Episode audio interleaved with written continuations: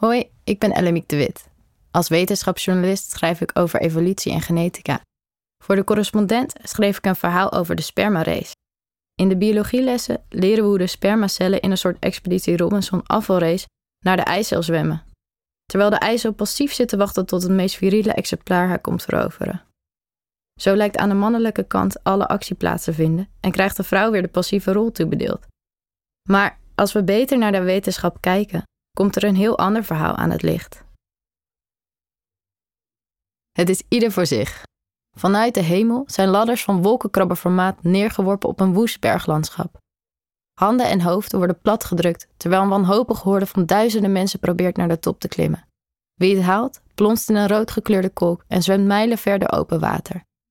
De aankomst bij de vagina is als D-Day, zegt de verteller. Daar begint de beproeving. Alleen zijn deze soldaten niet in een legeruniform gestoken, maar in Sensation White outfits. Die hijgende en puffende mensen in dat berglandschap moeten spermacellen voorstellen. Het berglandschap de vagina. Ik zit naar de Great Sperm Race te kijken, een prijswinnende documentaire die het verhaal vertelt van de spermacel. Van ejaculatie tot aan de conceptie. Een journey die epic is, al dus de verteller. Het doet me denken aan mijn eerste lessen in het babycreatieproces. Die kwamen uit de DVD-box van de Who's Talking trilogie. In de beginscènes chasen joelende spermacellen langs elkaar heen, popelend om een einddoel te bereiken. Het heeft een iets lager warzone gehalte dan de Great Sperm Race, iets meer Mario Kart. Maar ook hierin zien we de bevruchting als een harde wedstrijd, met een duidelijke winnaar die de wachtende eisen weet binnen te dringen. Voor zover ik me kan herinneren, werd in de biologielessen dit beeld nooit weerlegd. Ook daar leerde ik hoe spermacellen in een soort afvalrace naar de eicel zwemmen. Dus zag ik de bevruchting nog altijd zo voor me. Tot ik, meer dan twintig jaar later, toevallig op een onderzoek stuitte dat impliceert dat de eicel kan kiezen welke spermacellen haar wel en niet bereiken. Daarover later meer. Dit voelde als een openbaring. Dus de eicel doet hier ook iets. Als je erin verdiept, zie je hoe de hardnekkige voortplantingsmythe maar één kant van het verhaal vertelt. Dat de mannelijke cellen actief zijn en daarom altijd in de spotlight staan. Maar als je beter kijkt, zie je juist hoe groot de rol van de eicel is. En dat het volledige vrouwelijke voortplantingsstelsel achter de schermen van alles regelt. En dan zie je ook dat wetenschappelijk onderzoek eigenlijk geen kant zou moeten kiezen. Dat ik samen met al mijn biologieleraren, de Great Sperm Race en de Lucas Talking trilogie de rol van de spermacel zo verkeerd voor me zag, is op zich niet zo vreemd. Wetenschappers schetsen al decennia lang een gekleurd beeld van de bevruchting. In 1991 betoogde antropoloog Emily Martin al hoe stereotypisch de ei en de spermacellen worden neergezet in wetenschappelijke teksten. Hoe feminien de eicel zich gedraagt en hoe masculien de spermacel. En zelfs wetenschappers die overtuigend bewijs vonden tegen deze stereotype rollen, bleven de spermacel consequent in de actieve, vaak zelfs agressieve rol plaatsen, merkte ze op.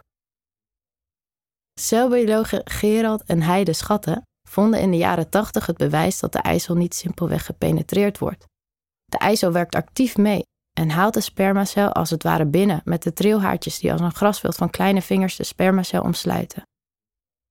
Schatten en Schatten bekritiseerden in een essay uit 1983 de rol die de eicel doorgaans kreeg toebedeeld. Die was zo passief als die van de prinses uit de sprookjes van Grimm, schreven ze.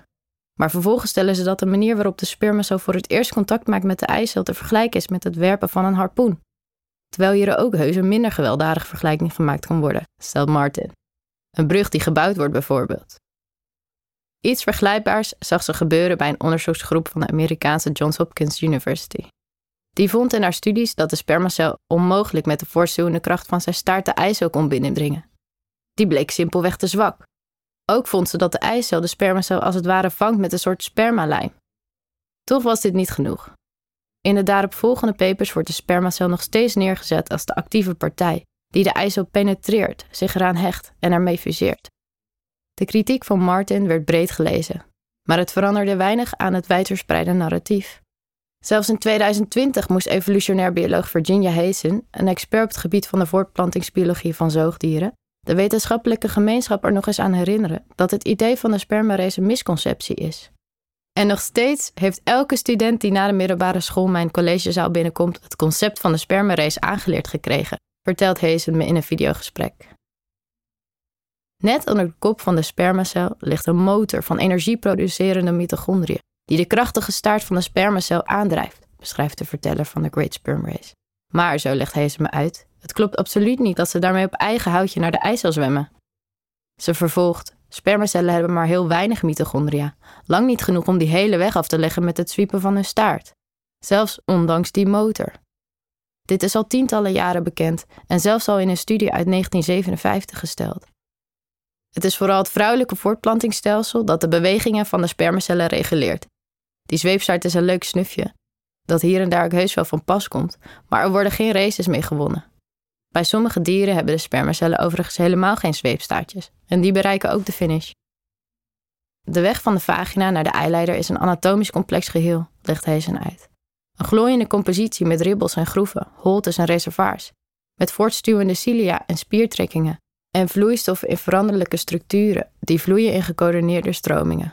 Het samenspel tussen al deze componenten leidt de bewegingen van de geslachtscellen. Daar komt nog bij, als zouden spermacellen in staat zijn om zelf naar de eicel te zwemmen, dan waren ze helemaal niet in staat om met de eicel te fuseren. Ze moeten eerst een make-over ondergaan, die hen van de juiste chemische en fysiologische eigenschappen voorziet.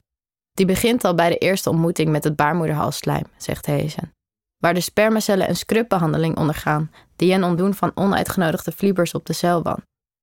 Maar ook bij aankomst van de eicel worden nog aanpassingen gemaakt. Dus anders dan de beelden ons wel eens doen geloven, komt de spermacel niet zomaar aangereest om vervolgens met brute kracht van zijn staart door de wand van de eicel te propellen. Maar dat is nog steeds maar de helft van het verhaal. De eicel heeft ook iets in te brengen. De laatste jaren groeit bewijs dat de eicel niet zomaar passief zit te wachten tot ze veroverd wordt. Van een afstand lijkt ze invloed uit te oefenen op het functioneren van de spermacellen, alsof ze kiest.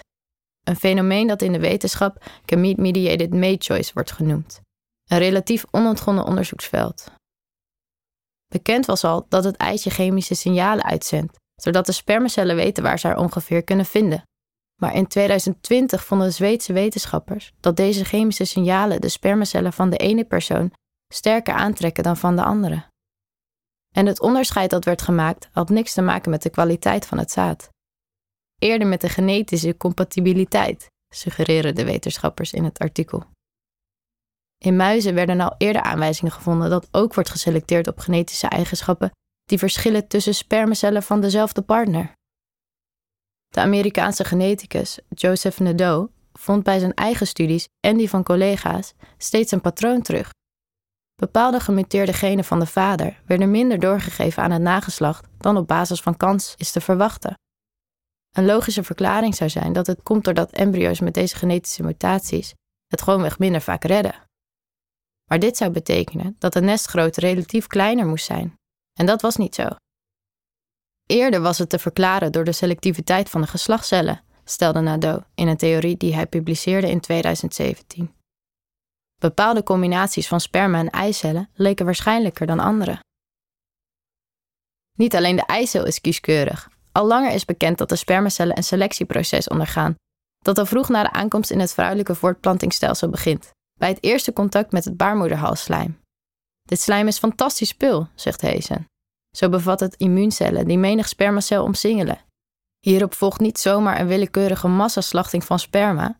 De moleculen die door de immuuncellen in het slijm geproduceerd worden, hinderen spermacellen die dood of dysfunctioneel zijn en bevorderen het functioneren van de overige gezonde spermacellen. De laatste jaren wordt duidelijker hoe geavanceerd het selectieproces is. Recente ontdekkingen wijzen erop dat het baarmoederhalsslijm selecteert op basis van immunologische eigenschappen, die per man verschillen een vorm van cryptic female choice.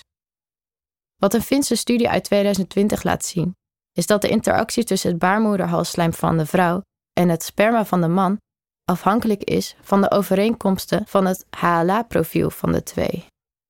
HLA staat voor humaan leukocytenantigenen. Het zijn antigenen die aanwezig zijn op alle lichaamcellen, behalve de rode bloedcellen. Spermacellen bleven langer leven in het baarmoederhalsslijm van een vrouw, als het HLA-profiel van de man veel van die van haar verschilde. En daar heeft ze mogelijk een goede reden voor. Nageslacht met een gevarieerde set aan HLA's heeft meer kans op een beter afweersysteem.